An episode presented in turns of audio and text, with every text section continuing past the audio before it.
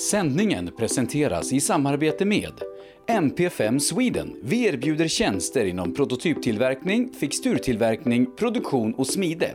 På hemsidan mp5sweden.se kan du läsa mer om oss och vår verksamhet.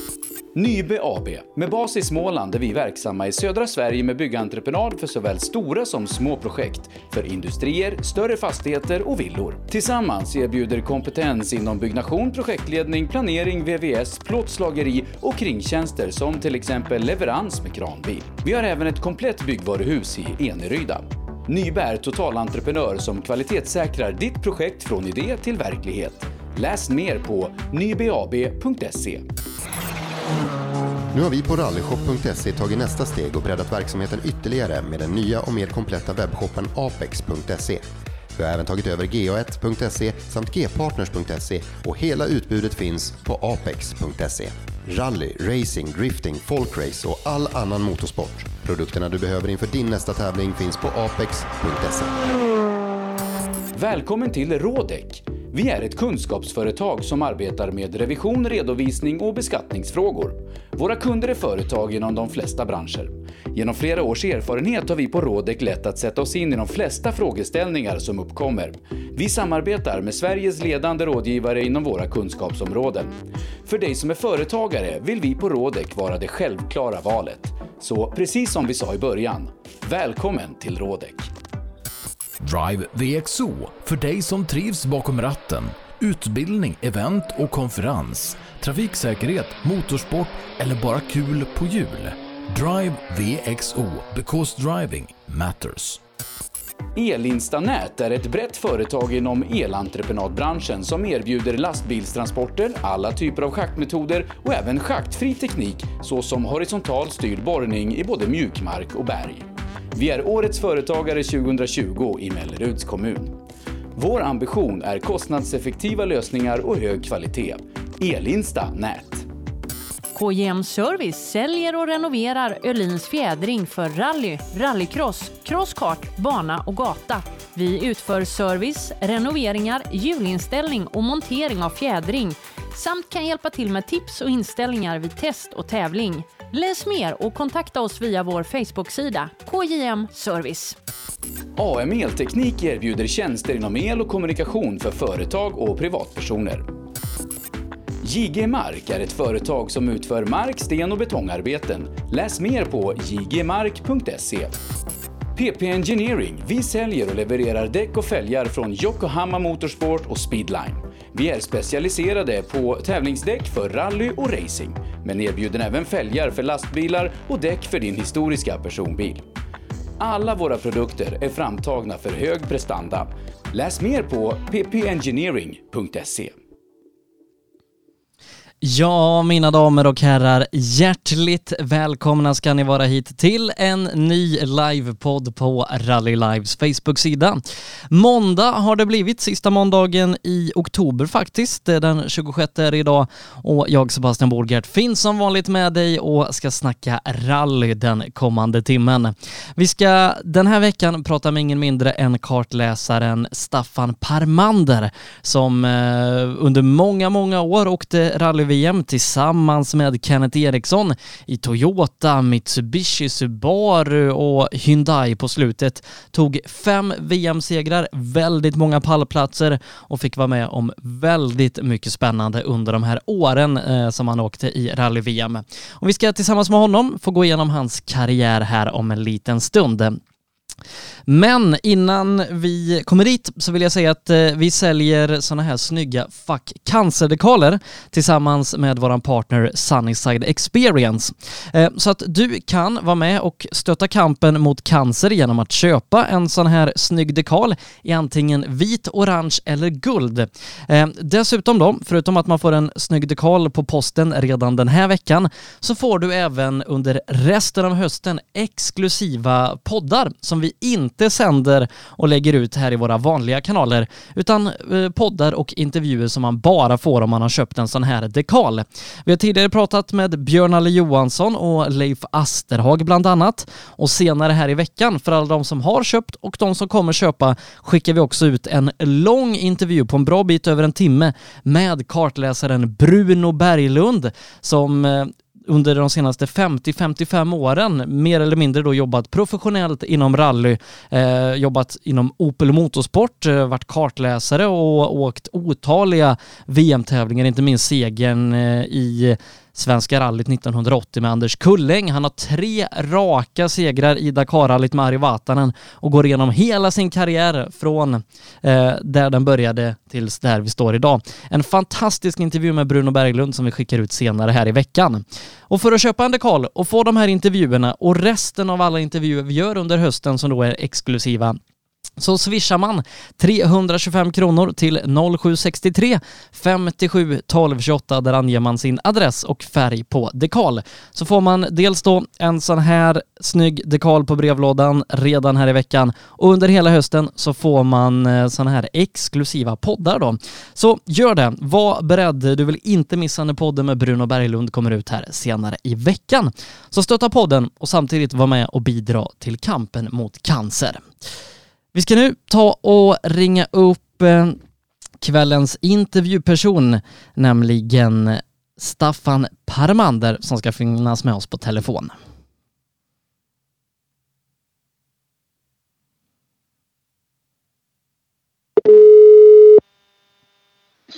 Ja, Staffan.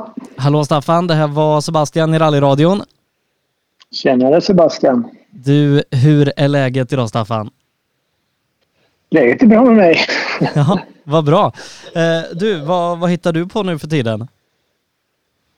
Ja, hur du, eh, vad tänker du på i förhållande till eh, vad jag gjort tidigare? Eller? Ja, eller allmänt bara. ja, försöker att sakta ner lite grann på farten. Ehm, och ehm, jag har tryckt på den där pensionsknappen har jag gjort. Så att jag har varit speedad förr i tiden men nu, det tar ett tag vet innan man kommer, kommer ner i hastighet. Så. Nu är det mera, mera skog och natur än vad det var. Ja, det har det varit förut också fast, fast innanför eh, eh ett plåtskal. Men nu är det utanför. Eh, du, eh, på tal om fart, på, tag och, på tal om skog och, och sånt där. Eh, vi, vi ska ju prata lite om din rallykarriär här och jag tänker vi börjar från början. Varför hoppade du in i en rallybil och, och fastnade för det här? Ja, alltså motorsport det, det har ju funnits i, i blodet från allra första början på, på ett eller annat sätt. Jag började väl med, med moppar och annat men eh, så fort det blev fyra hjul så då, då var det det som det handlade om. Eh, sen ehm, eh, sen började det med att jag körde själv. Gjorde.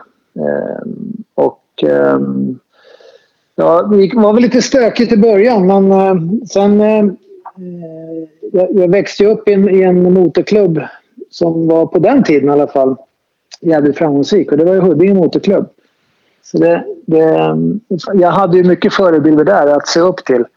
Och som drog då såklart. Eh, så att, eh, det, gick, det gick skapligt bra där under många år, gjorde det. Men som alla vet så har ju ekonomin, ekonomin en ganska stor betydelse när det gäller rallysport. Så att det blev lite förändringar under resans gång liksom eh, som förare, vilken nivå var du på?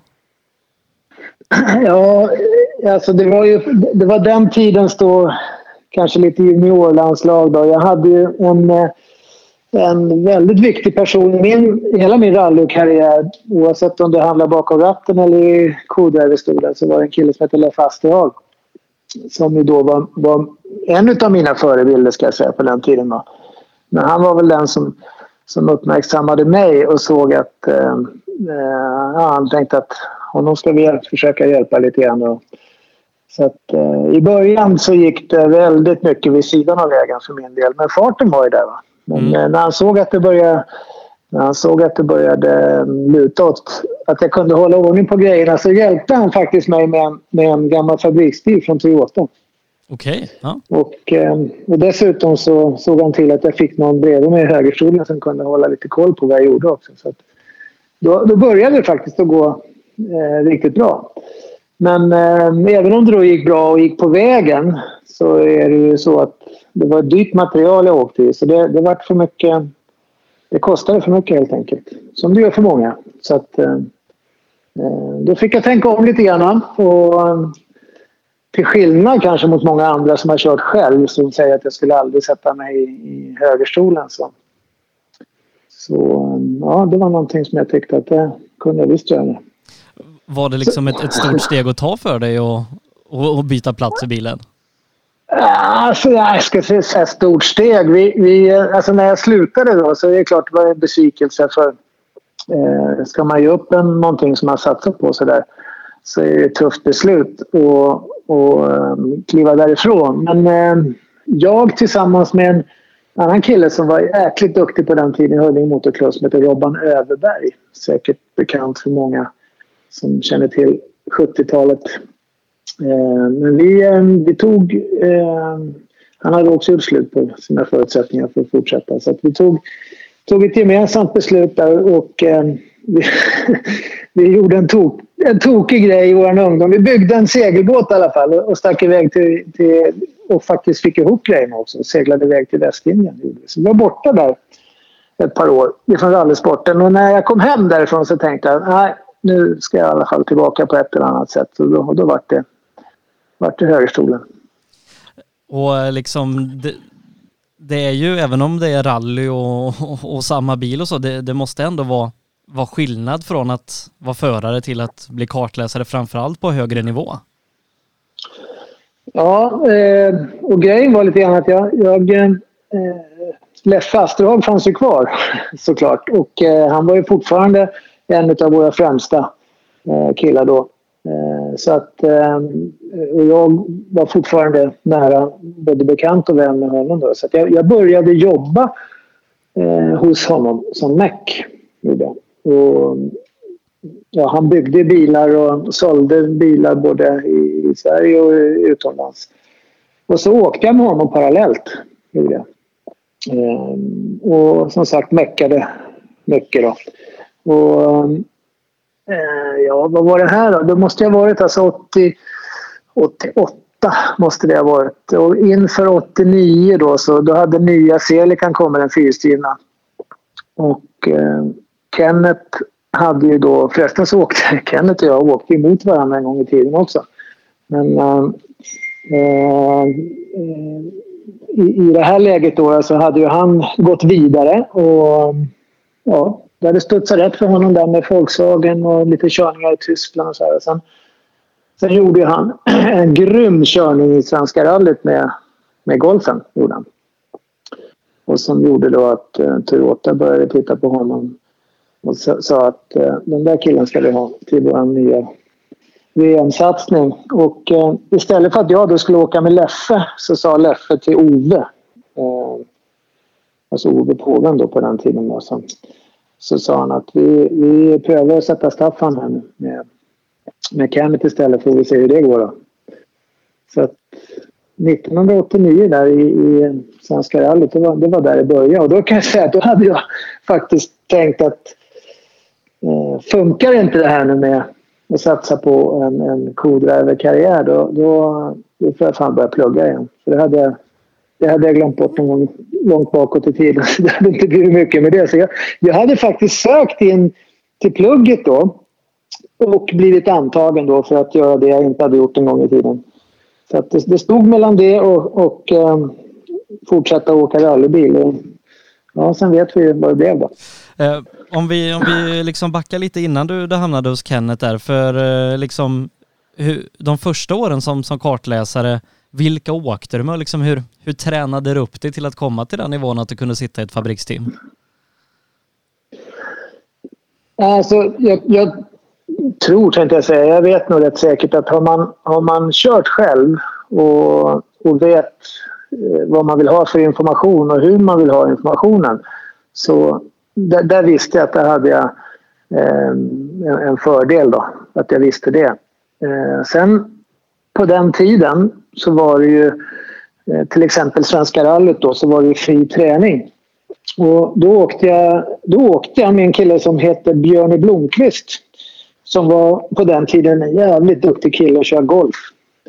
Eh, och också en kille från Huddinge Motorklubb och vi hade också åkt mot varandra en gång i tiden.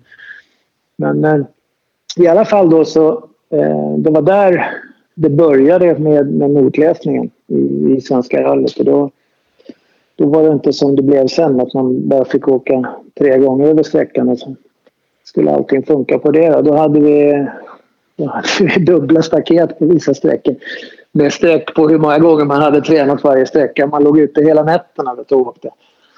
Så att visst, man hade ju bra förutsättningar att lära sig det här med, med, med notläsning. Och på den tiden så fick vi eh, Björne och jag då fick, eh, då skrev Nalle noter, Nalle Johansson. Så då, då fick vi, eh, åkte vi på hans noter och lärde oss utifrån det. Då. Eller jag lärde mig utifrån det. Björn också för den delen.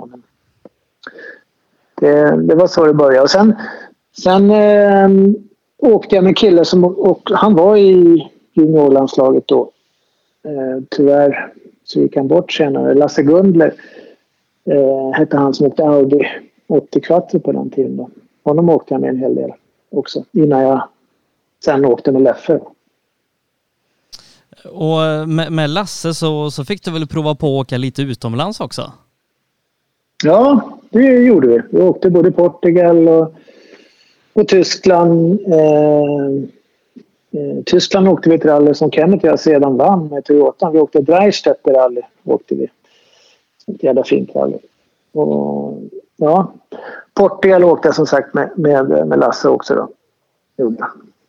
Och eh, liksom de här åren åka ändå ganska stora fina tävlingar. Eh, var du redo för att hoppa in i, i en fabriksbil i VM sen?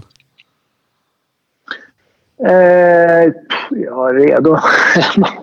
jag har i alla fall varit, alltid varit redo för att ta lite chanser här i livet. Det, det har jag gjort. Så att, eh, nej, eh, alltså jag kände ju också att eh, Leffe och eh, Ove för den delen kände jag också via Leffe på den tiden. Då. Så att när, när, eh, när chansen dök upp där med Kenneth så då, då, jo, då måste jag nog säga att jag var redo att ta den. Och vi, vi eh, fick ju tid och tillfälle att känna på hur vi funkar ihop då under Svenska rallyt där vi åkte lite andra tävlingar också. Dreistetter bland annat då. Gjorde vi. Så att, eh, just det här steget då att ut och åka internationellt det kände jag mig nog redo för att göra. Sen är det klart att det är alltid en utmaning att åka VM. Men i den åldern då som man var då, alltså då, ja, då tog man nog den chansen, det tror jag. Eller tror jag vet att det gjorde. Eh, hur var det att gå från att mest ha tävlat i Sverige till att liksom ha en VM-säsong mer eller mindre framför sig där 89? Alltså ja, det var ju, det var ju tuffa utmaningar och, och, och fler var det som skulle komma. Vi fick eh, Eh, till exempel utav Mitsubishi så, så ville de att vi skulle åka Dakar, eh, vilket vi gjorde. Och det var ju kanske den tuffaste utmaningen att säga eh, antingen ja eller nej till. Då. Men eftersom jag då hade seglat och seglat över Atlanten då så, eh, och på den tiden så då fanns det ingen eh, satnav till, till Dakar utan då var det karta och kompass som gällde. Mm. Men eh, ja, det tyckte Kenneth det. Vad fan Staffan, det fixar du. Du har ju seglat över Atlanten. Du får väl omsätta sanden till vatten och bergen till öar så går det bra. Så det, så det var väl, det var nog en tuffare utmaning än att säga att, eh, eh att man skulle ge sig iväg och åka RAC i de här tävlingarna. Men ja, man växte liksom in i det sakta. Och sen, sen hade man ju några andra eh, stora killar att ta stöttning mot som som Bruno till exempel då, som, som eh, var ja, stöttepelare för mig. Jag kunde ju alltid gå till honom och knacka på dörren och kolla med saker och ting då. Man ville ha lite check på. Ja. Men, eh, men, men Svenska rallyt är 89, första VM då ihop med, med Kenneth eh, och så blir ni trea. Ja. ja. Hur, hur, var det att få kliva upp på pallen i VM? Ja, det var häftigt såklart. det, det, det är stort det är det. Och, ja, det var, man var ju sugen att fortsätta såklart. Att det skulle bli ännu mer. Och Kenneth hade ju också en väldigt tydlig målsättning. med, med vad, som, ja, vad som skulle komma och vad vi kämpade för och sådär. Men det, det är så med all sport och idrott. Man får vika ner sig. Stänga dörren till mycket annat och så får man köra. Så är det. För, hur förändrades liksom ditt liv, om man säger privatliv och sånt, när du klev in i, i Toyota, den här satsningen?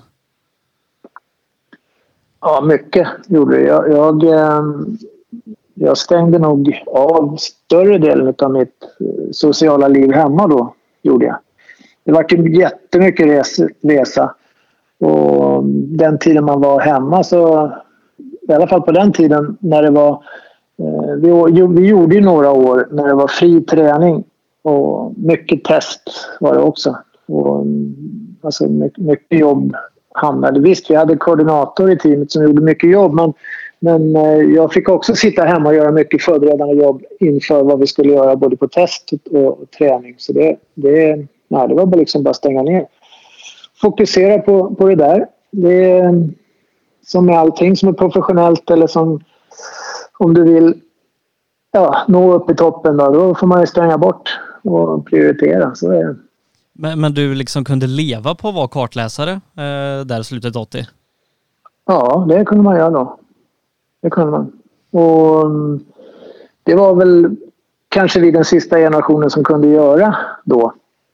Eh, ja, Rådström var väl den som kom efter oss då. Som, som, ja, det var väl Tideman och de här väl också kunnat göra det sedermera. Men, men eh, för oss eh, så tidigt i, i, den karriär som vi hade framför oss där så, så, tror jag att vi var nog lyckligt lottade att kunna få göra det.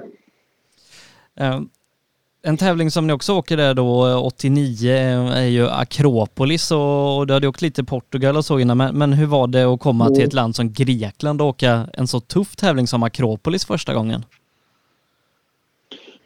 Ja, eh, nu, nu, gick den ju inget vidare den tävlingen och det, då var ju bilen också i sin linda och inte utvecklad och testad tillräckligt så att eh, eh vår bil började brinna där så det var en jävla olycklig start.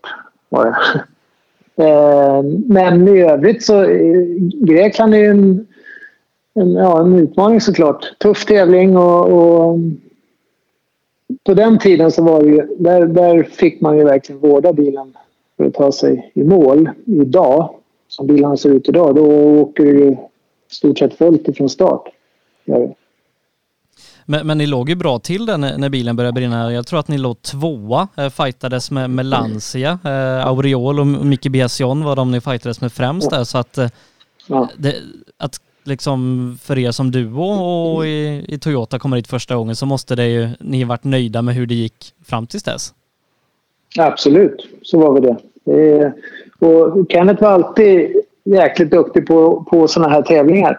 Han var eh, någon som kunde vårda bilen och se till att eh, ja, inte köra över stock och sten utan han tänkte verkligen på materialet. Gjorde Men eh, eh, så är det ju fortfarande. Det är, det, har du lite otur, någon bil framför har dragit ut en sten eller sånt där så då ja, kan grejerna gå sönder i alla fall. Så det, det är ingen garanti ändå.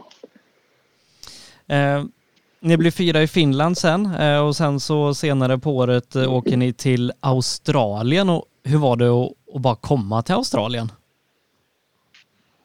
Ja, alltså det, eh, Australien har alltid varit en superhäftig tävling. Och för oss så var det alltid, från första gången vi var där, så var det en tävling som passade oss jättebra. Och jag gissar att, eh, att den gjorde det var att, att det var det underlag som var. Påminde lite grann om att åka på snö. För den här, eh, I alla fall då när vi åkte i Perth då, som det var, Western Australia där, så, så var det ju som, det var som lekakulor i, i en blomkruka att åka på. Det var jäkligt halt alltså. Var det.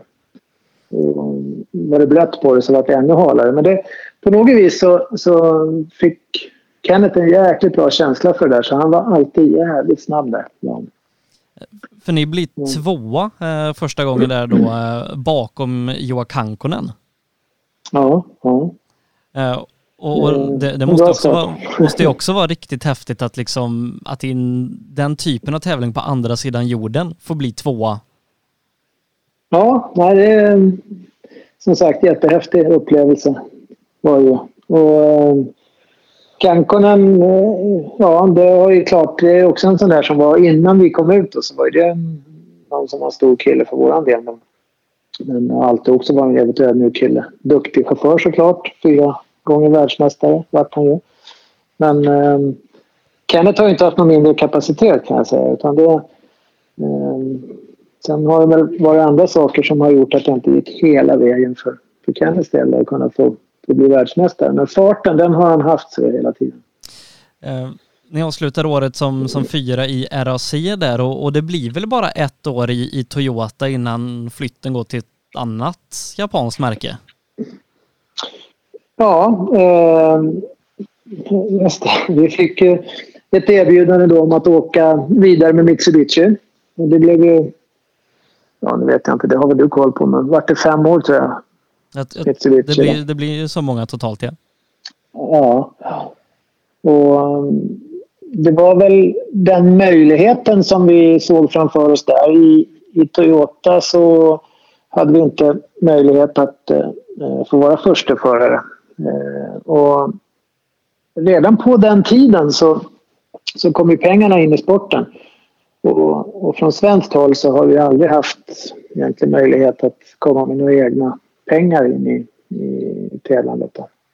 Och då kom ju eh, Carlos Sainz kom ju in då i, i, teamet och hade egna pengar med sig. Så att då, eh, där försvann möjligheten för oss att åka ett helt VM. Och eh, möjligheten Även om den inte kom eh, direkt för oss då i Mitsubishi och egentligen aldrig infann sig för vår del. Men, men vi såg den framför oss i alla fall i, i Mitsubishi. Det gjorde vi.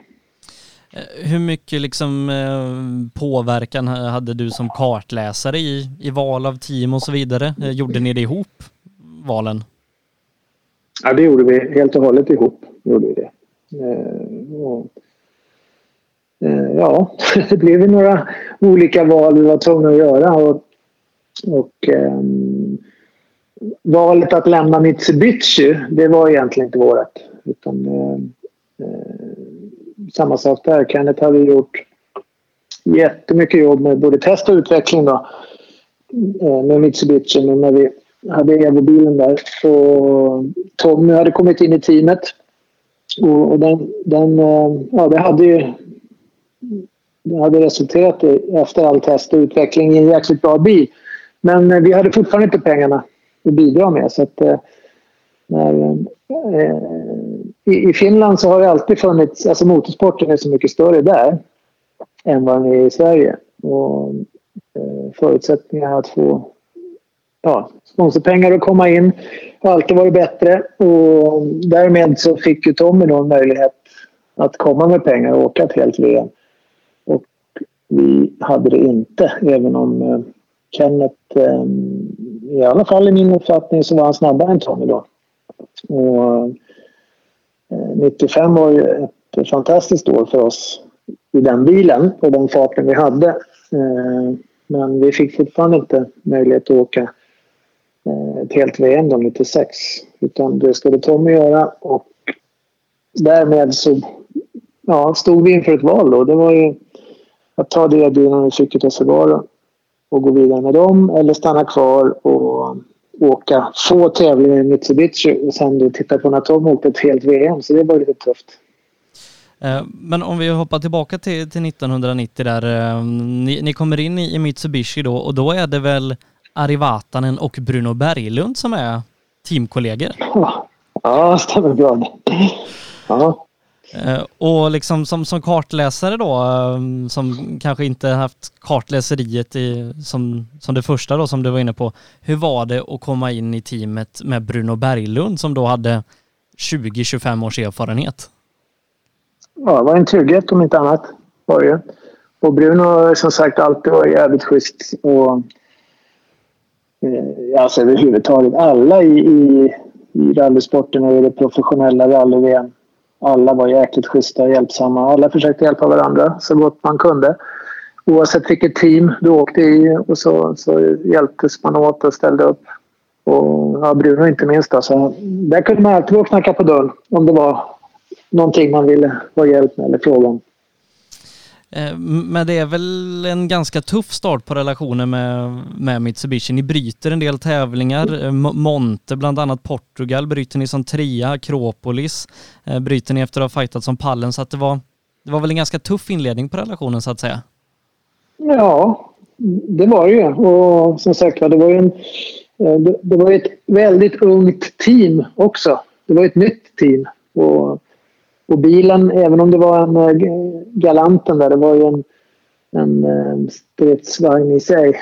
Den tålde mycket men eh, fortfarande så det var ett väldigt litet team. Det var inte, jag kommer inte ihåg hur många de var nu men det var ju, det var ju ingenting i jämförelse med de andra stora teamen. Så, ja, studsar lite fel så då kan det gå antingen så går det jävligt bra eller också studsar rätt eller studsar så går det åt helvete. Eh, men, men det går ju ganska bra ändå första säsongen där ni blir trea i Finland och, och tvåa i RAC. Eh, så att eh, ja. ett par bra resultat får ni med er där. Och, ja, absolut.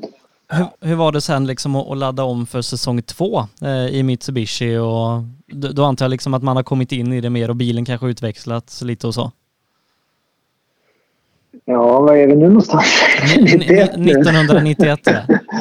ja, det var ju ett tag sedan. Nej, hördu, jag kommer inte ihåg hur det var med uppladdning och tankar inför. Eh, det vet jag inte. Det enda jag vet är att vi gjorde Dakar då 91. Eller så gjorde vi. Ja, och, och det, det låg liksom innan själva VM-säsongen i, rally va? Ja, det var ju helt galet. Vi gjorde då hela Dakar. Och sen så innan, innan vi åkte till Dakar så hade vi varit och tränat för Monte.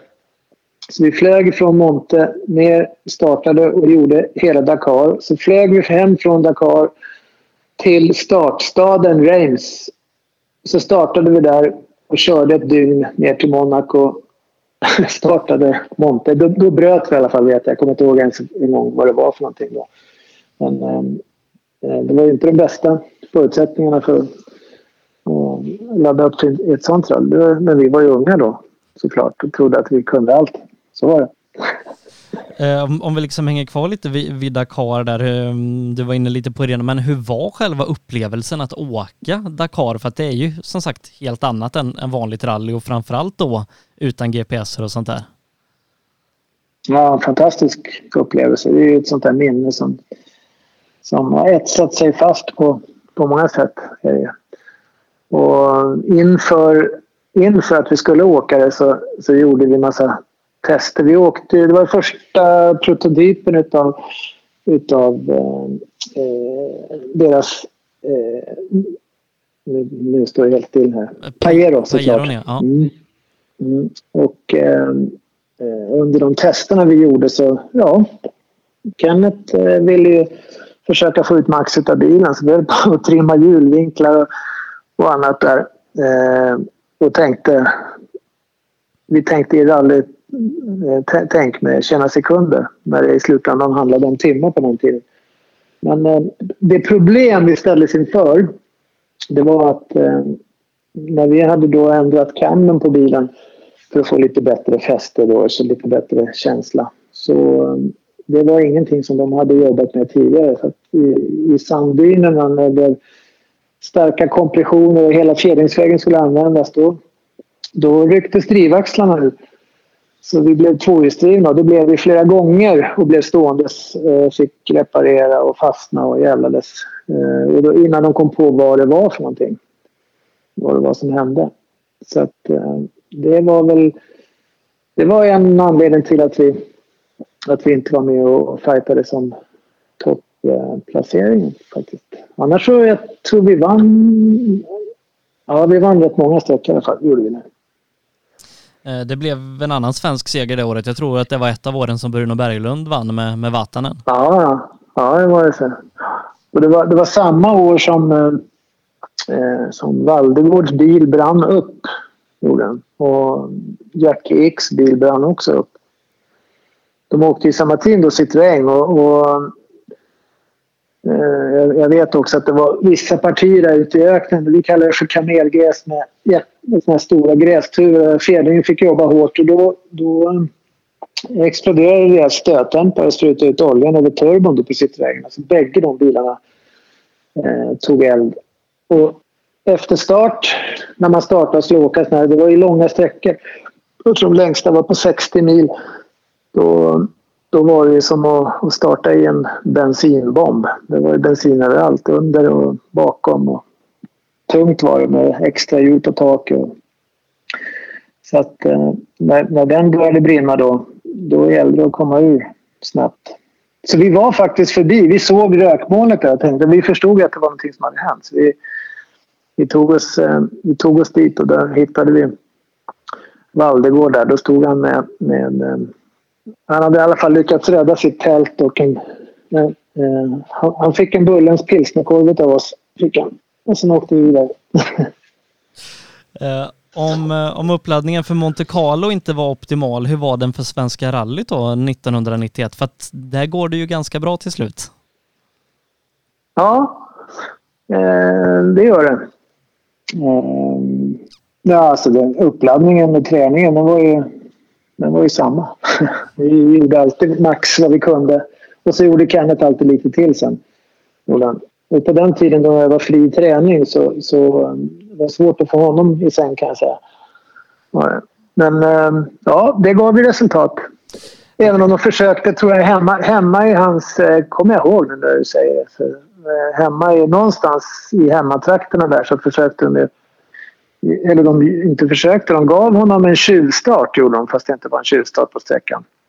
Eh, så nu vet jag inte vad vi fick i tidstillägg ens en gång där men eh, ja, det räckte till för att, för att tända gnistan på honom i alla fall. Så det, det åkte han in i alla fall.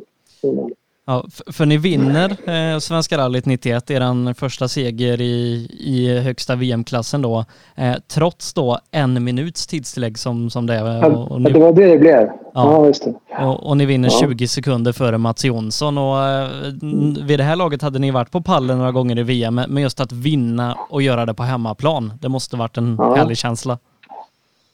Ja det, ja, det är alltid en härlig känsla att vinna. Och, och med Kenneth så var det alltid en härlig känsla att när han, när han blev riktigt jävla förbannad då, då var det ingen som åkte ifrån honom. Det, eh, ibland fick man ju försöka att få en sådär tillräckligt förbannad utan att, utan att det gick ut inne i bilen utan det skulle ut i bilen. Men eh, blev han det så då, då, då bröts förtrollningen på riktigt Då jävlar åkte han bil. Gjorde han. Så, eh, och det gjorde han där då. Ja, det hände ju flera gånger sen också men, men den gången så var det så. Ja. Eh, men eh, e-, efter den här segern i Svenska rallyt så, så kör ni inte de, de tre följande VM-tävlingarna. Var det så att Mitsubishi inte ställde upp i alla eller var det att ni inte hade dem i ert program? Nej, det var så att då, de åkte bara ett begränsat program i början för de, de hade inte den, eh, inte den budgeten. Och, det var ju så att de fick egentligen inte den budgeten att tävla för ett fullt VM. Det fick de inte förrän ehm, eh, Tommy kom med pengar in i, i teamet. Det var då det började. Hur, hur var det liksom att, att ha vunnit en tävling och sen så få stå vid sidlinjen och titta på tre tävlingar innan ni fick hoppa tillbaka? Ja, det var inte kul. Det, det är aldrig kul att få stå vid sidan av. Det hände flera gånger tyvärr i, i, i karriären att eh, att det inte studsade riktigt rätt så att man fick stå vid sidan av. Och, och ja, man kan ju säga att vi, vi blev ju begränsade där, särskilt då när det gällde asfaltbiten så fick vi aldrig riktigt chansen att komma in. Eh, för det är ju en, det är ju en konst i sig att åka asfalt. Eh, det är eh, ja, väldigt, väldigt få svenskar som som har bemästrat det i, i, i rallysammanhang. Och jag vet, jag snackade med, med ehm, Marcus Grönholm här när han, när han eh, vann sin VM-titel i Peugeot. Så han gjorde som vi. Han, han, hade alldeles, han var för, het på gröten när han skulle åka asfalt. Så han fick, eh, han fick lära om helt och hållet. Och det är det man måste göra. Och det, då måste man få den chansen och den tiden som krävs för att testa sig fram och, och se hur jäkla försiktig och smidig man måste vara för att få med sig framförallt däck och bromsar. Eh, och då kommer tiderna också mm. när det gäller asfalten. Så den, det, det var den biten vi saknade för att, för att, ja, så att säga, bli kompletta då, för att få ihop ett helt VM och en bra slut. Ni, ni vann ju Svenska rallyt med, med tidstillägg där. Eh, Akropolis eh, Mm. när ni är tillbaka. Eh, ser man till sträcktiderna går det ju väldigt bra. Men ni har 18 minuter strafftid tror jag när ni går i Mm. mål. Mm. Och, hade, den kommer jag ihåg väl. vet du. eh, och ni, ni hade nog nästan vunnit tävlingen annars. Ja, nästan. Vi hade nog gjort det. Ja. Eh, Men det kanske inte vet vad det var som hände där, men det vet jag. Ja, Den kommer jag också ihåg väldigt tydligt. Och det var Eh, inne i, utanför Aten där så, så finns det ett område som heter Lagonissi. Och efter att vi hade startat vid Akropolis då, så hade de en, en superspecialsträcka där som vi körde på.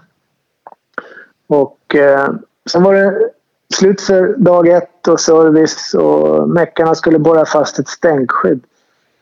Och det var ju också early days. Så då låg tanken nere i, i reservljusbaljan på något vis. Där. Del av tanken i alla fall. Och de lyckades borra hål i, i tanken. Och det var ingen jättepanik med det egentligen. Men eh, de hade i alla fall eh, ett problem framför sig och ville, ville lösa det. Och då var det inte det att du att du checkade in och hade en bestämd servicetid utan den tiden som du hade på service det var den, den du körde in på transporterna. Vi, skulle, vi skulle ju ut från Aten på morgonen och sen skulle vi upp då eh, till, till norra delen av Grekland och fortsätta. Så vi hade en lång, lång transport utifrån Aten och det var på morgonen med massor med trafik. Och Kenneth han låg i innerfilen och vi bytte ju fil fram och tillbaka. Sen låg han i innerfilen och så gick det för fullt i utefilen så han, han, han växlade ner och eh, la sig i utefilen. Är du kvar eller? ja, Tappade dig nu? Jag gjorde inte. ja nej, vi är kvar. Och en lä- lägre växel och sen eh, drog han ut ytterfilen och där stod det stopp. Där stod det stilla.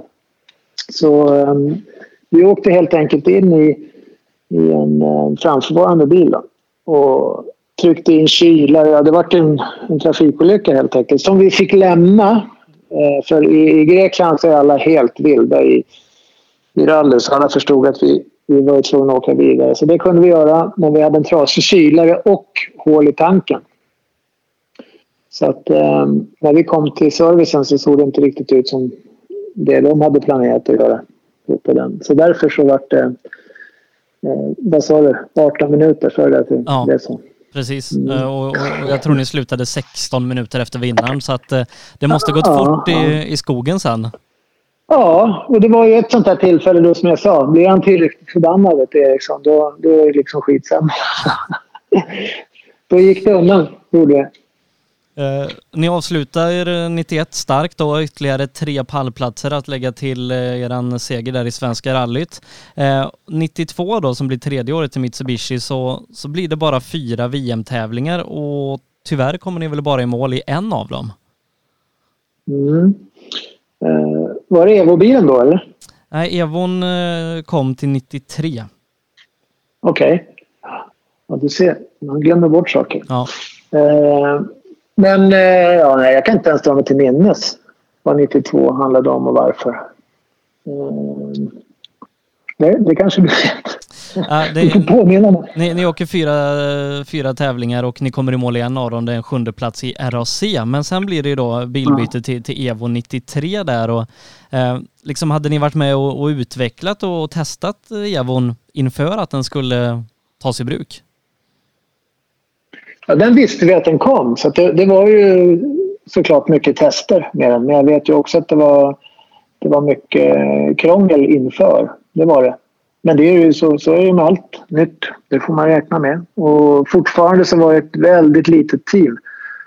Eh, och mm, ett, eh, ja, lite familjekänsla sådär i teamet. Man kände alla och, och det var liksom nära inpå sådär. Men eh, eh, Kenneth ville ju testa och utveckla mycket. Han brann ju för det där.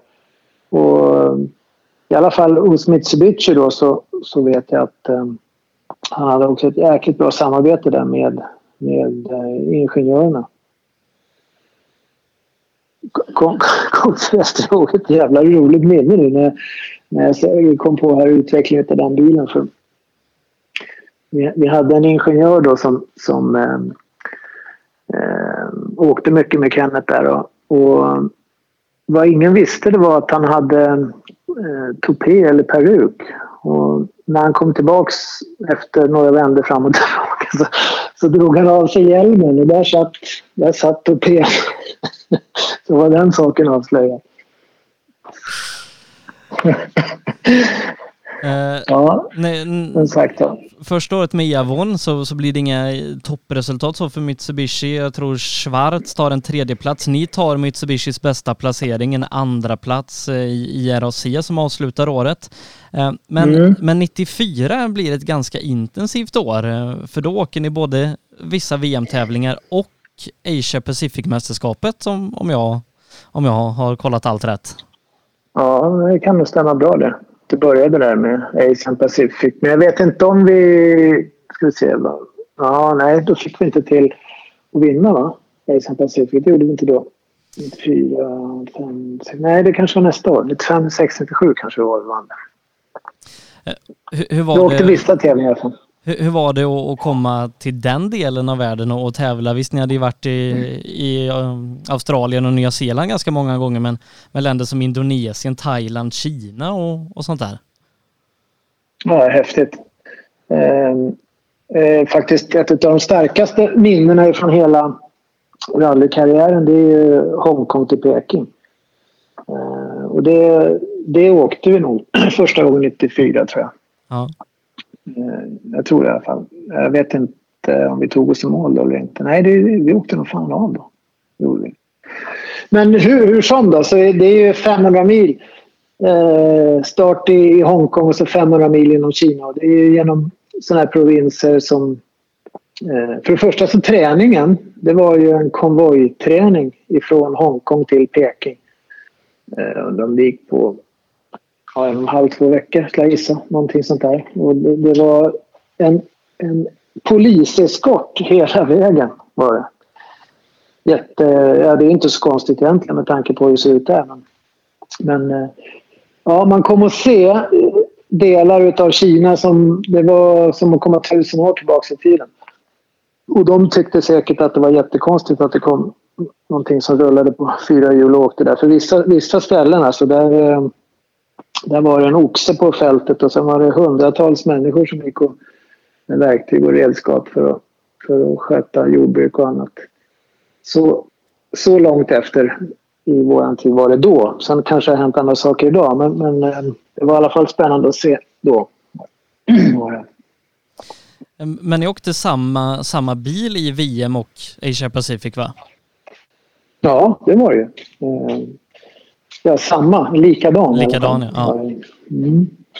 Det var det. Eh, liksom eh, Australien och Nya Zeeland så är ju geografiskt kanske inte jättelångt ifrån vissa länder som ni var i, Malaysia, Thailand och så, men eh, om man ser till, till vägarna och tävlingarna och så, eh, liksom skilde det sig någonting i hur det funkade och hur det, hur det var att köra? Ja, hur tänker du då? Med, Men om, alltså, vä- vägar är, det, det skiljer sig på alla ställen. Sen organisationsmässigt då, så det är klart att det, det, det var ju skillnad. Eh, och det fick man ju försöka anpassa sig till och, och leva efter. Men, men eh, eh, ja, tittar man på till exempel Australien då som var ju en av de absolut bäst arrangerade VM-tävlingarna på den tiden. Och sen jämför man det då med, med eh, eh ja, Asian Pacific, då, Malaysia, Kina, Thailand och de här. Så, så ja, det gick ju inte att jämföra såklart. Gjorde inte.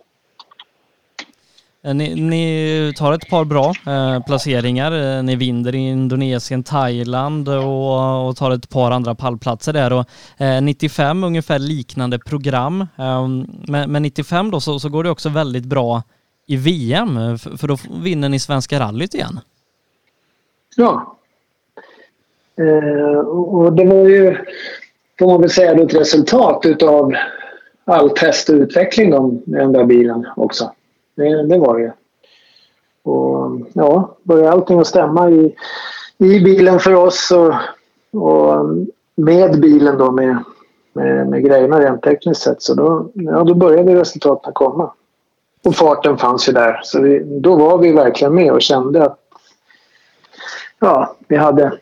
Ja, förutom att vi vann Svenska rallyt då så, så um, hade vi en jävligt skön fight med, med Colin i Australien. Och det var verkligen en fight hela vägen in i mål. Och det, det var en sån där riktigt skön seger var det. Uh, när, när ni vann i Svenska rallyt så, så tror jag ni vann före Tommy Mäkinen och, och då körde ni båda två i Mitsubishi va? Ja, det gjorde vi. Uh, och ni liksom, fick ni vinna eller var det, fanns teamorder på den tiden också? Ja, det var ju teamorder såklart. Det har väl alltid funnits på ett eller annat sätt. Men eh, eh, den gången så var det så tydligt och klart att eh, vi fick åka om det de första två dagarna. Fick vi göra. Och det hade Andrew gjort klart för oss att det var det som gällde. Sen visste ju alla att väderleksprognosen Eh, såg ut som den gjorde så att eh, sista dagen så skulle det skulle snöa som fan på natten där. Och är du först ut då så ja, det finns ju inte en, inte en chans eh, att åka och spåra för de som är bakom.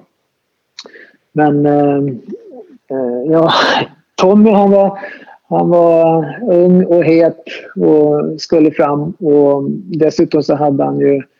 Det var ju klart då att han skulle åka VM eh, nästa år och det var klart med teamet. Så det var kanske de bakom honom som pushade för att han skulle visa någonting. Så att eh, istället för att, att sköta det där lite snyggt då, så, så eh, åkte han in all den här tiden på oss direkt på morgonen. Så att det var ju...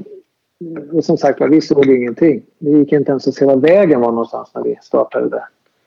Det var bara ett, det var vitt bara framför oss. Så att det är klart, har någon lagt ett spår då så det är ingen konst.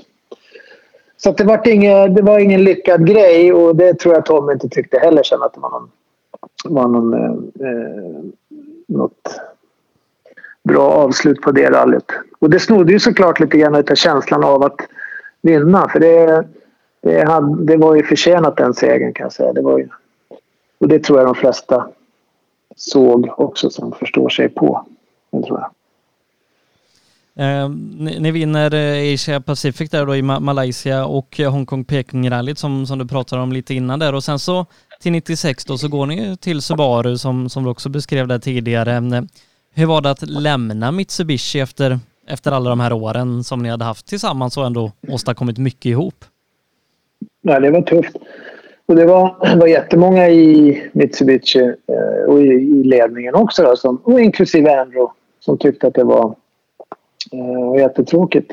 Men eh, ja, eh, där hade ju pengarna redan kommit in i sporten på ett sånt sätt som, som eh, eh klart Andrew tyckte det var beklagligt men det var ju ingenting som, som gick att göra någonting åt. Vi hade inga pengar med oss att komma med och han kunde inte, det fanns ingen budget för att ta eh, och lägga på en bil till.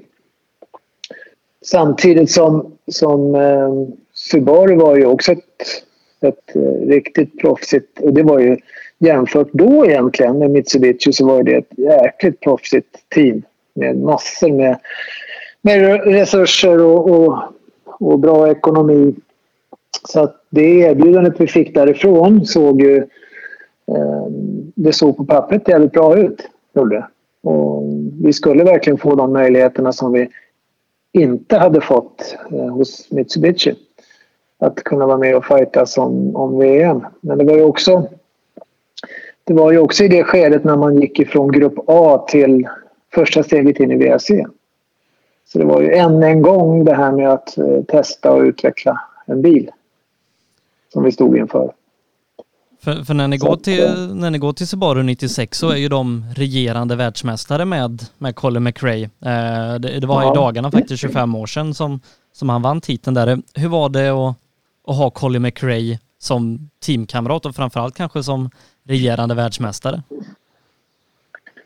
Alltså, Colin har alltid varit en kompis till eh, framförallt till mig så vi hängde rätt mycket och hade mycket ihop eh, efter rally också. Och, eh, alltså, Colin han var aldrig någon som var märkvärdig på något vis utan eh, ja, det varit en, en teamkompis. Vart det. Och som jag sa tidigare, det här med, med rallysporten, det har aldrig varit egentligen någon konkurrens i det. Annat än såklart, eh, är det teamorder i ett team då så är det inte så jävla hiphop i, i, i, i, mellan drivers då. Det är ju inte. Men eh, eh, när det väl har blåst över så, så lägger sig ju sånt där. Gör det.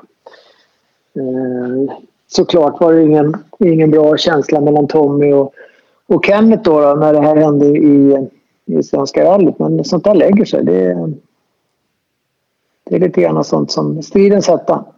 Men annars så är det bra känsla mellan, ja, mellan varandra. 96 måste ha varit ett ganska hektiskt år för då åker ni fullt VM-program med, med Subaru. Det var lite färre tävlingar för än vad, vad det är normalt sett nu. Men ni har också ett program i Asia Pacific så att det måste varit en del mm. resdagar det året. Plus all den test vi gjorde. Så att eh, jag vet att jag var borta 300 dagar det året. Vet jag. Det, det var lite tufft. Uh, och uh, bland annat då så, så åker ni Safarirallyt och är det liksom ert första Safarirally? Är det 96 nu vi är på ja. eller? Ja, 96 ja. i Subaru. Ja, just det. Det, det, det blev det första. Vart det. Men det gick ju rätt bra jag minns. Ja, ni, ni blir tvåa i tävlingen där men eh, mm. det, hade det hjälpt någonting att åka liksom speciella rallyn som Hongkong, Peking för att förbereda sig inför en sån uppgift som Safari var så att säga? Alltså, Safari tror jag inte går att jämföra med någonting egentligen. Snarare att det går att jämföra med, med Dakar. Eh, därför att det, det, är verkligen en tävling där man måste tänka på eh, materialet och på... Eh, alltså det är så många grejer som spelar in där. Framförallt så är sträckorna så långa. Och eh, jag vet i alla fall att vi hade sträckor som var 18 mil långa då. Vet jag. Så att, ja, det är mycket att tänka på. Men det kommer ju också bli ett rally där, där man var tvungen att, att åka, ja, om inte fullt, alltså strax därunder. Eh, en andra plats där, eh, ni blir bland annat eh, trea i Argentina, tvåa i Australien och eh, totalt sett en väldigt bra VM-säsong med, med en fjärde plats i tabellen. Ja, och var det liksom eran, Ja, ni kanske gjorde med, med Hyundai sen, men var det er första riktigt liksom fulla VM-säsong där ni fick förtroende att köra alla tävlingar? Ja, det kan man säga att det var. Och som jag sa tidigare där så, så saknade vi ju tid i bilen på asfalt både när det gällde eh, test och eh, ja, möjlighet att få eh, ja, träna helt enkelt på, på asfalt. Då. Kenneth hade ju en eh, jävla oflyt där också med, med en jättekrasch på Korsika med, med um, en Pirelli-kille i, i bilen. Tack och lov, för min del i alla fall.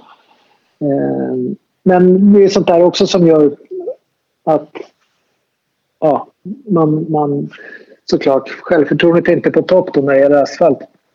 Så att eh, där, där, eh, det låg också till grund, tror jag, för, för vad som kom sen då när de petade undan oss då för att åka full VM-säsong då. För, för 97 så, så åker ni grus och snötävlingarna då och asfalttävlingarna inklusive Monte Carlo. Är det en italienare som, som kör dem va? Ja, det var ju Piero eh, Leatti var det ju som, som alltid var erkänt duktig på, på asfalt. Han vann Monte då också va? Det gjorde han väl för, eh, för eh, Subaru då, det året.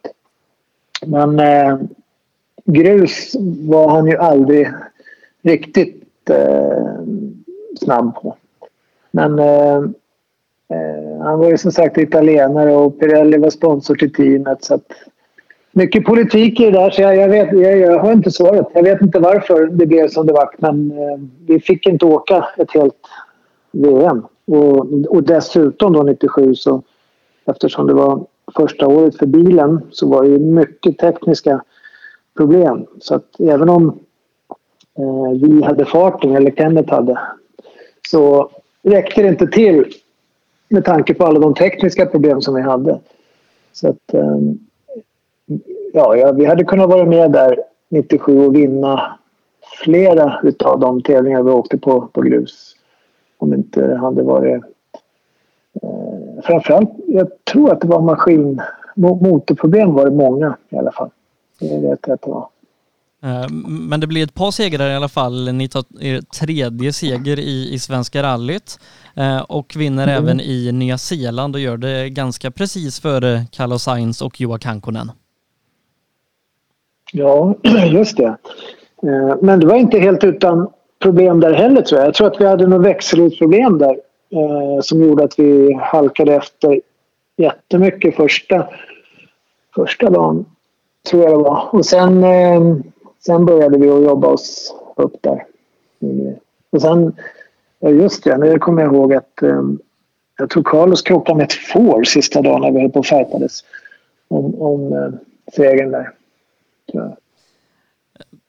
Just de tävlingarna då, eh, Nya Zeeland här då, hade ni åkt många år i Asia Pacific och vissa år hade det inte varit med i, eh, i VM så och även Indonesien var med i VM det här året. Eh, hade ni liksom någon fördel av att ha åkt de tävlingarna ett par säsonger i, i andra mästerskap?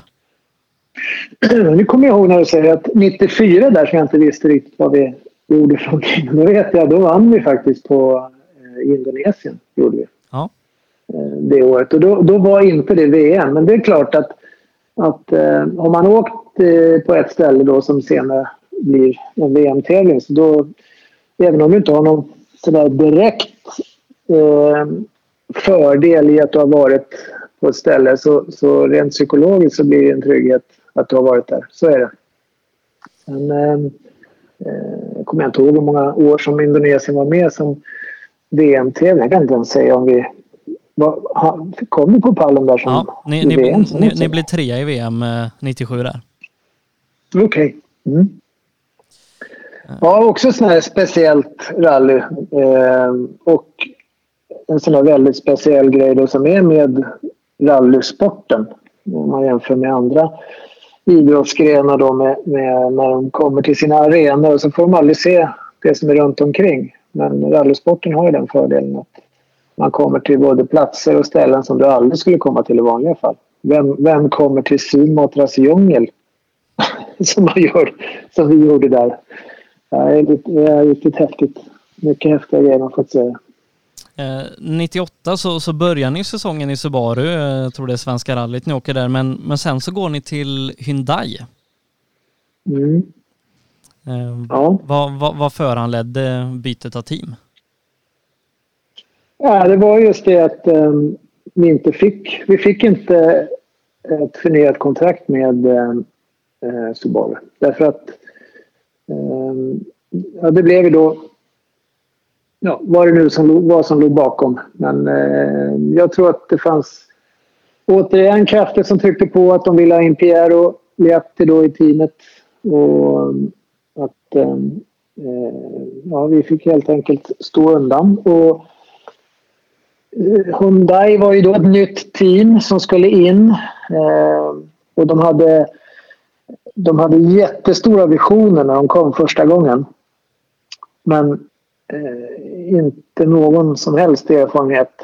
Eh, inte ens någon känsla för vad saker och ting skulle kosta. Så att, eh, den budget de hade och gav sig in med där, den, den räckte inte till närmelsevis till för att göra det de hade tänkt sig. Och, och upplägget som vi fick då presenterat för oss var att vi skulle åka då i den här Super 2000-bilen ett år och parallellt utveckla det som då skulle bli deras VRC-bil. Men det, det drog på tiden, gjorde det. Så att det vart väl... Eh, eh, ja, vad ska man säga? Början till slutet då.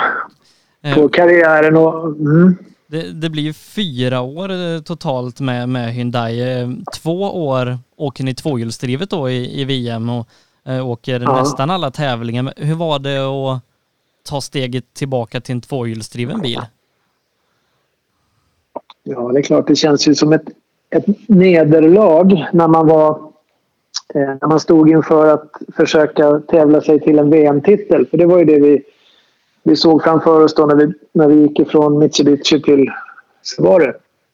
Och så får man eh, ställas inför eh, ett helt annat faktum då och tänka om. Så det, det, var ju, det var ju motigt. Det kan man ju lätt säga att det var. Men Kenneth har alltid varit en sån där som, som eh, försöker att se eh, möjligheterna och kanske nästan omöjligheterna i, i någonting. Men eh, vi, sa, vi bet ihop och sa att okej, okay, nu, nu tar vi det här och så försöker vi utveckla den här bilen och komma igen. Och så såg vi vi såg ju också spiriten i, i teamet och hos Hyundai. Att verkligen få till en bil som var med och fightades om att vinna VM-tävlingar. Så att, eh, det tog längre tid än vad vi hade trott och hoppats. Eh, och det blev inte riktigt vad någon hade tänkt sig.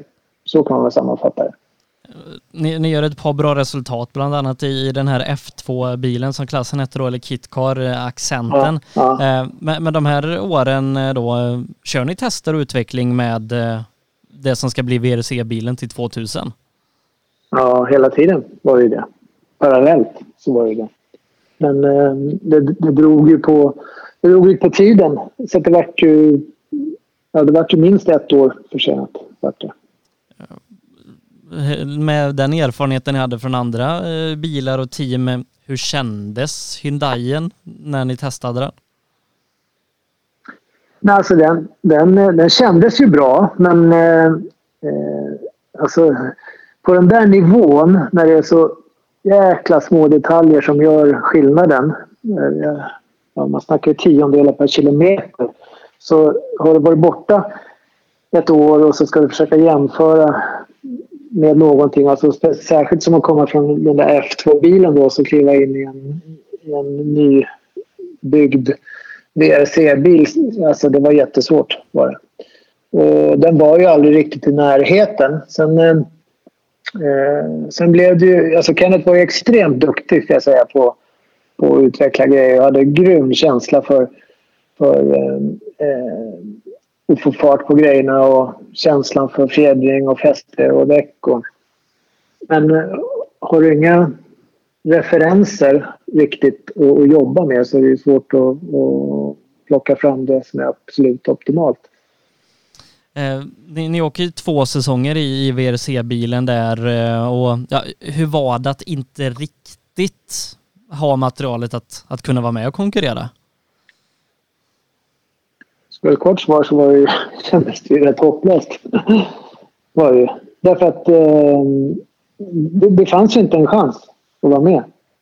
Eh, sen eh, var det ju så tråkigt att, att eh, alltså teamet i sig var ju tvungna att leverera resultat till, till eh, Hyundai då, ett koreanskt team som hade gett sig in i, i rally-VM och ville vinna tävlingar. Och, hade säkert fått eh, någonstans sagt till sig att det ska vi göra med den här chauffören. Och sen räckte inte det så då började man ju plocka in eh, ja, de flesta. Passerade väl revy därigenom men, men det var ju inte det det hängde på utan det var ju, det var ju att det inte fanns tillräckligt med, med bra grejer. Så att, eh, de, ja, de drog sig ur så småningom då, gjorde de ju. Ja, eh, och har nu på senare tid kommit tillbaka starkt. Eh, antar att man, man kanske ja. drog en del lärdomar som, som gör att de, de nu då är regerande världsmästare som, som team. Ja, ja visst. Så, så var det ju förstås. Och så mycket hade de klart för sig att, att eh, kommer de tillbaka så ska de ha någonstans lärt sig läxan och framförallt ha, ha rätt förutsättningar för att komma tillbaka. Är det inte så att 2001 blir din sista säsong på den nivån? Jo, stämmer bra det. Ja, eh, det var ett tag sedan. för, för Kenneth kör ju vidare, han kör Skoda 2002 eh, men då är det Tina Turner som ja. åker med. Mm, varför, varför valde du att lägga hjälmen på hyllan? Ja, det ska vi komma till sen. Tillfälligt som det blir ett par år där.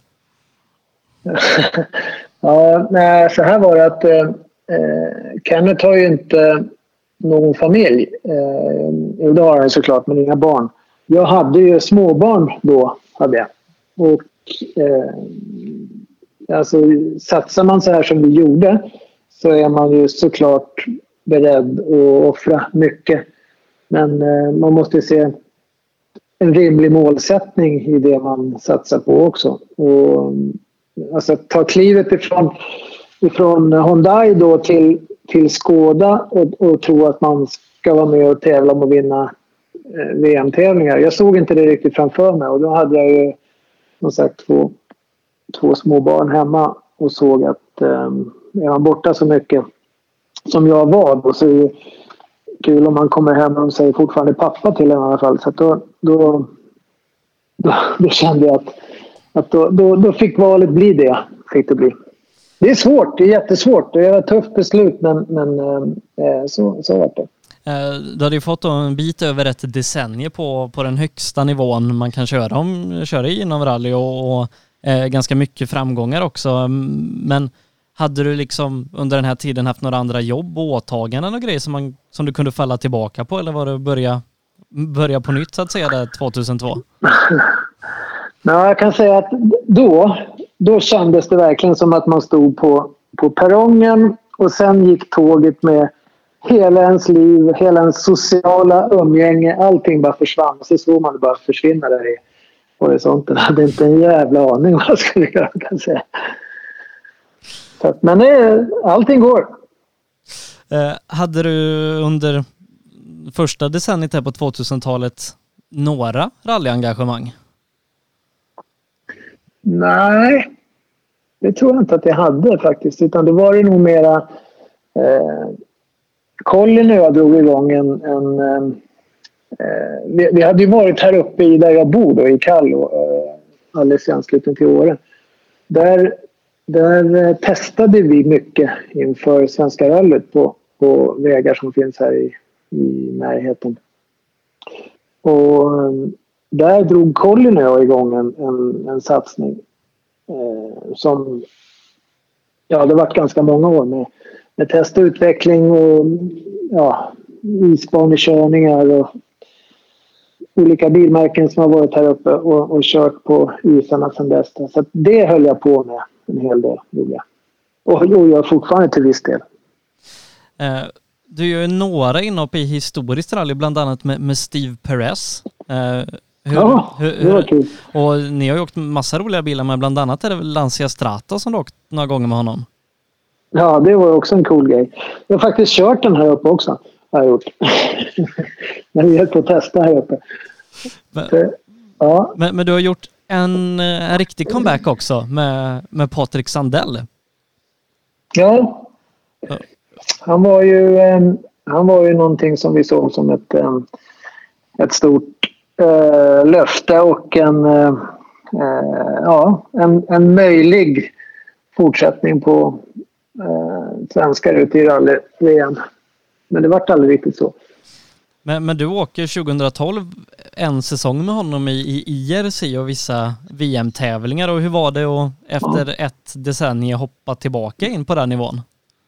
Ja, det var jättekul. Var det. Och, och det märkliga med det var att eh, eh, efter den, all den tid som var borta där så ja, det var som att det var igår. När, och det sitter fortfarande kvar i skallen på mig. För att när man klev in i bilen där då så ja, det var precis som att vara tillbaka igen. Det var en märklig känsla, men det fanns där alltihopa. Ja, det är inte så kanske konstigt, men, men ja, det, var, det satt där. Det var lika roligt som det var innan. Fick du blodad tand och liksom att ta upp karriären på nytt där? Ja, hade det, hade det ehm, gått som det var tänkt med Patrik, då hade jag nog i alla fall hängt med eh, några år till. Det hade jag gjort. Sen, sen är det ju så att tävla på den där nivån, det, det kräver ju inte bara kunskap och erfarenhet och att det tar på psyket, att du måste vara skärpt så, utan det är fysiskt tar det mycket också. Och, mm, ja, det ska man veta att det, det, kroppen, det tar på kroppen. Så jag vet inte om jag hade hängt med så många år till. Eh, det vet jag inte, men några år hade jag nog gjort.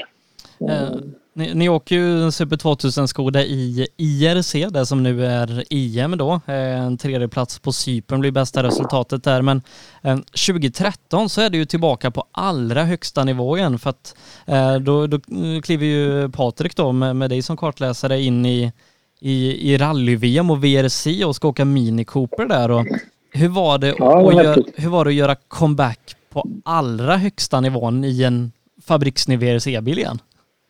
Ja, det var skithäftigt. Var det. Det, var, det var riktigt kul. Och um, ja, det var ju så lite, lite som fattades. Jag vet jag sa till er tidigare här att det, man, när man testar och utvecklar och det, vi ska försöka hitta någon tiondel här och där per kilometer. Det var ju det som, som eh, fattades för, för Patrik då. Det var, det var ju inte mer men eh, det blir det är ett stort steg som skiljer. Och det, eh, ja, det var, du ska genom nålsögat vet du, och det är fan inte lätt egentligen.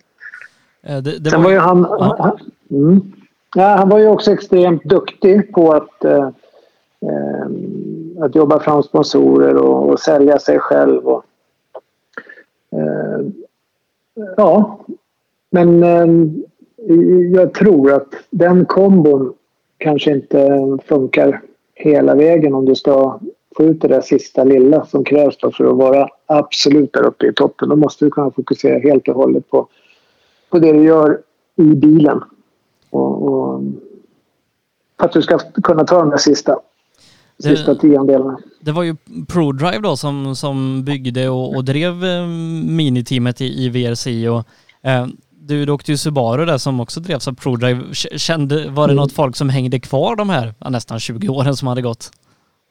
Ja, det var ju det vet du. det var en del av ingenjörerna och en del uppe i ledningen där. Inklusive eh, David Mitchell som fanns med i bakgrunden där. Så att, eh, ja, det var mycket eh, varma och glada bekantskaper som återkopplades där faktiskt. Uh, det blev ju en tävling för er två då i, i Mini Cooper och, och Patrik gick ju sen vidare och haft en uh, ganska framgångsrik rallycross-karriär borta i, i, USA också, en del rally där för den delen. Mm. Mm. Uh, men du, du, fortsätter ju åka lite grann här på, på senare tid. jag tror det är samma år som du åker Midnattssolsrallyt med Björn Valdegård. Ja, just det. ja. Fast då, då, nu är ju historisk, eh, his, historiker. Ja. Bilarna. Och jag hade ju åkt, jag åkte 2009 åkte jag med eh, Steve Perez då i Safari. Gjorde jag. Eh, jag åkte 2009 och 2011 åkte jag med Perez tror jag. Stämmer, var i Safari. Och, och Valdegård åkte ju också de åren i Safari. Så att, och, och, vi har ju känt varandra sedan tidigare har vi gjort. Men eh, det, var väl, eh, det var väl det som låg till grund för att jag åkte med honom i Midnattssolsrallyt. Och du, du åkte en, ja, mer historiskt sen också, um, både med, med Perez, uh, Geoff Bell tror jag du åkt med, Stig Blomqvist och uh, är det lite så att på, på senare tid här slutit cirkeln för, för bland de senaste gångerna du åkt så har det väl varit med Leif Asterhag igen? Ja, alltså det var ju eh, när du säger slutet cirkeln så, så blev det ju verkligen, verkligen på det viset. För att eh, Leffan ringde till mig och sa att eh, Hörru Staffan, nu får du fan ställa upp och åka, åka med mig för jag ska åka Midnattssolsrallyt. Och det, det, får du göra till mig i en försenad 70-årspresent, sa han. Ja, vad fan är det nu då? Jo, det hade han gått och min gamla Celica som jag då hade 79 eller vad det var för någonting. Det var tydligen den enda av de här gamla Celica-bilarna som fanns kvar. Och den hade de hittat på någon log någonstans. Och sen hade Leffe tillsammans då med, med de meckarna som var med i Toyota Team Sweden då på, det, på den tiden. De hade röstat upp den där. Och sen så, ehm, så skulle han åka då mina socialet. Och det sa jag klart som fan, det måste jag göra det med honom. För det vart ju verkligen att knyta ihop cirkeln. Dels för, för allt vad han har gjort för mig, Leffe, för det var ju han som, som eh, ja, dels gav mig chansen att, att köra den där bilen en gång på 70-talet. Och sen så gav mig en andra chans då i kodäverstolen med Kenneth. För han bytte ju faktiskt bort mig då. Han, han tog Trasse Billstam med sig då 89 där istället och så fick jag chansen att åka med Kenneth. Så jag tyckte att ja, nej, det måste vi göra Leffe. Så det, då fick jag åka med som co-driver i min gamla bil då med Leffe. Så det, var, det var det sista rallyt jag åkte. Så, det, så var det. Uh, har du liksom, eh, ja, om man ska se efter Sandell och de medåkningarna gjort, har du haft några andra liksom engagemang inom rally eller följer du det glatt i den mån du, du hinner? Ja, jag följer ju varje VM-rally såklart. Och, eh, det, det, är väl, det är väl det närmaste jag kommer. Jag är inte ute på några tävlingar och sånt där. Och, och jag åker inga fler heller. För att jag, liksom många andra, har, har um, problem med min rygg. Och det, det blir man ju inte bättre av om man sitter i en rallybil. Så Leffe ringde faktiskt mig eh, året efter, 2018, då, och frågade om vi skulle åka igen. Och då hade jag tänkt att säga till honom att när vi är tillbaka så tänkte jag säga så här, men fan Leffe, det, det tänkt nu på... Han är äldre än mig så att han fick lov att tänka på sin rygg så skulle jag tänka på min. Men jag behövde aldrig säga det. Jag kom underfund med det själv. Att nej, han skulle spara sin, sin rygg nu. Skulle han göra. Så att, men... Nej, något mer, något, mer, något mer åkande blir det inte. Men eh, jag är såklart, jag följer ju varje rally-VM. Det gör jag. Och tycker att det är skitspännande att se.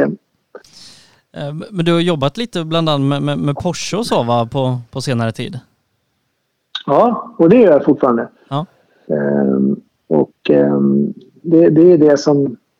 Det är det närmsta man kan komma och både köra en rallybil och få åka på sladd då på vintertid. Så vi, vi, ehm, vi gör ju mycket jobb åt dem på, på vintrarna här uppe i Åre och eh, Arvidsjaur kommer att bli nu då tror jag. Eh, vilket är superkul. Vi har på asfalt också för den delen men nu har jag inte varit med på sommaren då. Har jag inte varit de sista åren här. Men eh, i, i det gänget som ni jobbar med kring Porsche, det är väl lite rallyåkare där från olika generationer också? Ja, det är det. Gullabo är med och jobbar. Ja. ja. Eh, Rådis har varit med vid något tillfälle också här. Så. Eh, ja, Stig inte minst är med. Eh, så honom, honom träffade jag senast eh, uppe i Arjeplog här i vintras. Då. Så. Och han kommer att vara med i vinter också, tror jag.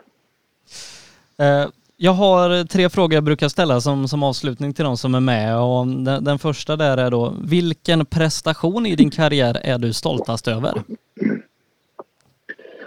Jaha du. Ja, den, den kom aldrig upp här nu, men eh, det är nog att vi vann Baja i eh, Spanien 91. Det var en sån här eh, ökentävling, navigation, 80 mil nonstop. Den tror jag att jag är mest stolt över. Vilken är den häftigaste plats du fått besöka tack vare rallysporten? Ja, oh, du. Eh, jag får säga eh, Himmelska fridens torg när vi vann Hongkong-Peking. Och avslutningsvis där då, vilken är den bästa bil som du åkt tävlingsbil? Inte Hyundai Accent kanske? Nej, det är det inte. Eh, nej, alltså... Då, då, blir det ju, då blir det ju Mini Cooper som vi åkte. För det, alltså, det var ju det mest tekniskt utvecklade som jag har åkt en tävling i. Mm. Så måste jag säga. Det är det. Och det var synd att de, att de avslutade. Jättesynd, för det var en skithäftig bil och den hade garanterat varit med och slagit som om eh, VM-titlar. Du, Staffan, det, det, var, det var det hela, så att säga. Ja. Eh, en, en, lång karriär på, på strax över en timme och det, det finns säkert mer att, att prata om vid, vid ytterligare tillfällen men vi, jag tänker vi nöjer oss där för nu. Ja, det gör vi. Ja. Eh, du får ha en fortsatt fin eh, måndagkväll och en, en trevlig vecka och allt sånt där så, så hoppas jag att vi kanske syns och hörs i något rallysammanhang framöver igen. Det kanske vi gör. Får ett ansikte på dig också kanske? Ja, ja det, jag, jag, är mest en röst. Det, det, det är min lott i livet. Okej, okay, ja men det, det är bra. Du, tack för samtalet. Tack så mycket. Ha det jättebra så hörs vi. Hej. Ja, detsamma. Hej då. Hej. Ja, mina damer och herrar, där fick vi prata med eh, Staffan Parmander, kartläsare då, inte minst med, med Kenneth Eriksson under många år. Fem VM-segrar, eh, otaliga pallplatser och uh, har åkt i de största sammanhangen och en av våra mest framgångsrika rallyåkare de senaste 20-30 åren faktiskt.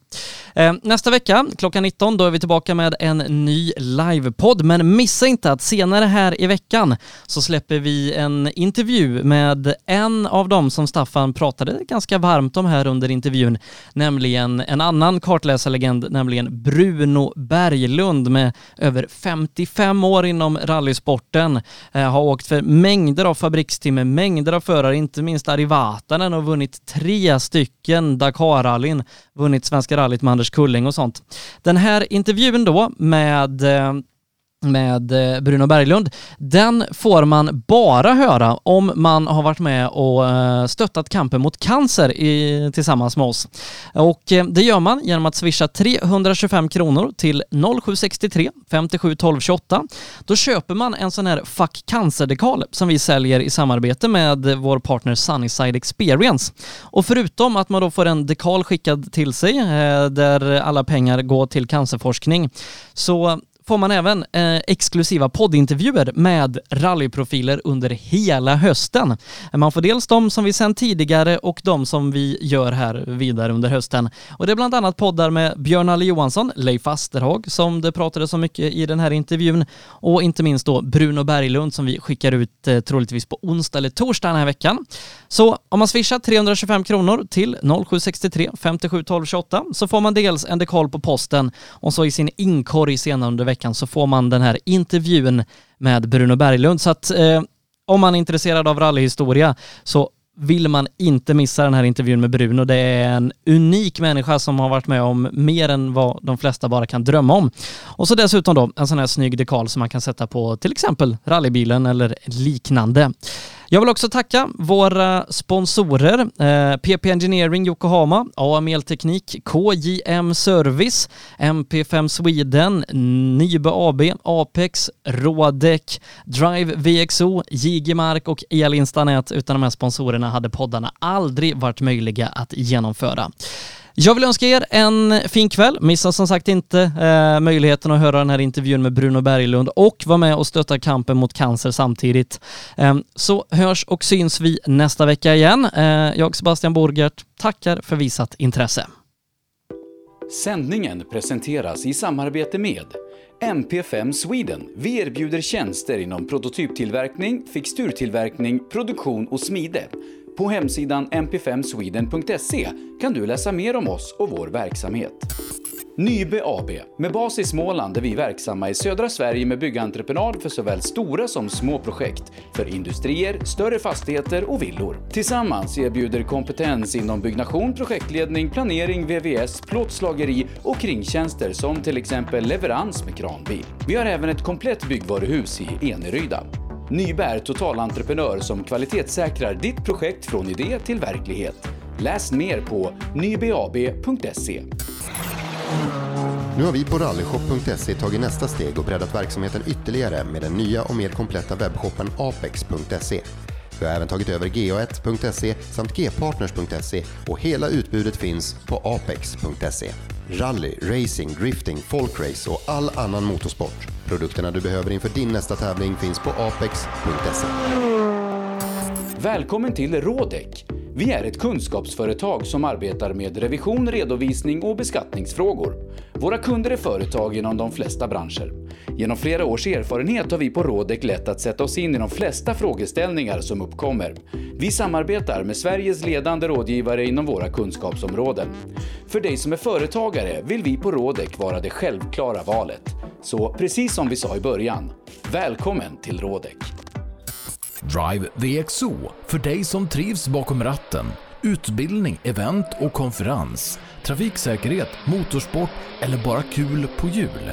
Drive VXO because driving matters. Elinstanät är ett brett företag inom elentreprenadbranschen som erbjuder lastbilstransporter, alla typer av schaktmetoder och även schaktfri teknik såsom horisontal styrd borrning i både mjukmark och berg. Vi är Årets Företagare 2020 i Melleruds kommun. Vår ambition är kostnadseffektiva lösningar och hög kvalitet. Elinsta Nät. KJM Service säljer och renoverar Öhlins fjädring för rally, rallycross, crosskart, bana och gata. Vi utför service, renoveringar, hjulinställning och montering av fjädring samt kan hjälpa till med tips och inställningar vid test och tävling. Läs mer och kontakta oss via vår Facebook-sida KJM Service. AM Elteknik erbjuder tjänster inom el och kommunikation för företag och privatpersoner. JG Mark är ett företag som utför mark-, sten och betongarbeten. Läs mer på jgmark.se. PP Engineering. Vi säljer och levererar däck och fälgar från Yokohama Motorsport och Speedline. Vi är specialiserade på tävlingsdäck för rally och racing, men erbjuder även fälgar för lastbilar och däck för din historiska personbil. Alla våra produkter är framtagna för hög prestanda. Läs mer på ppengineering.se.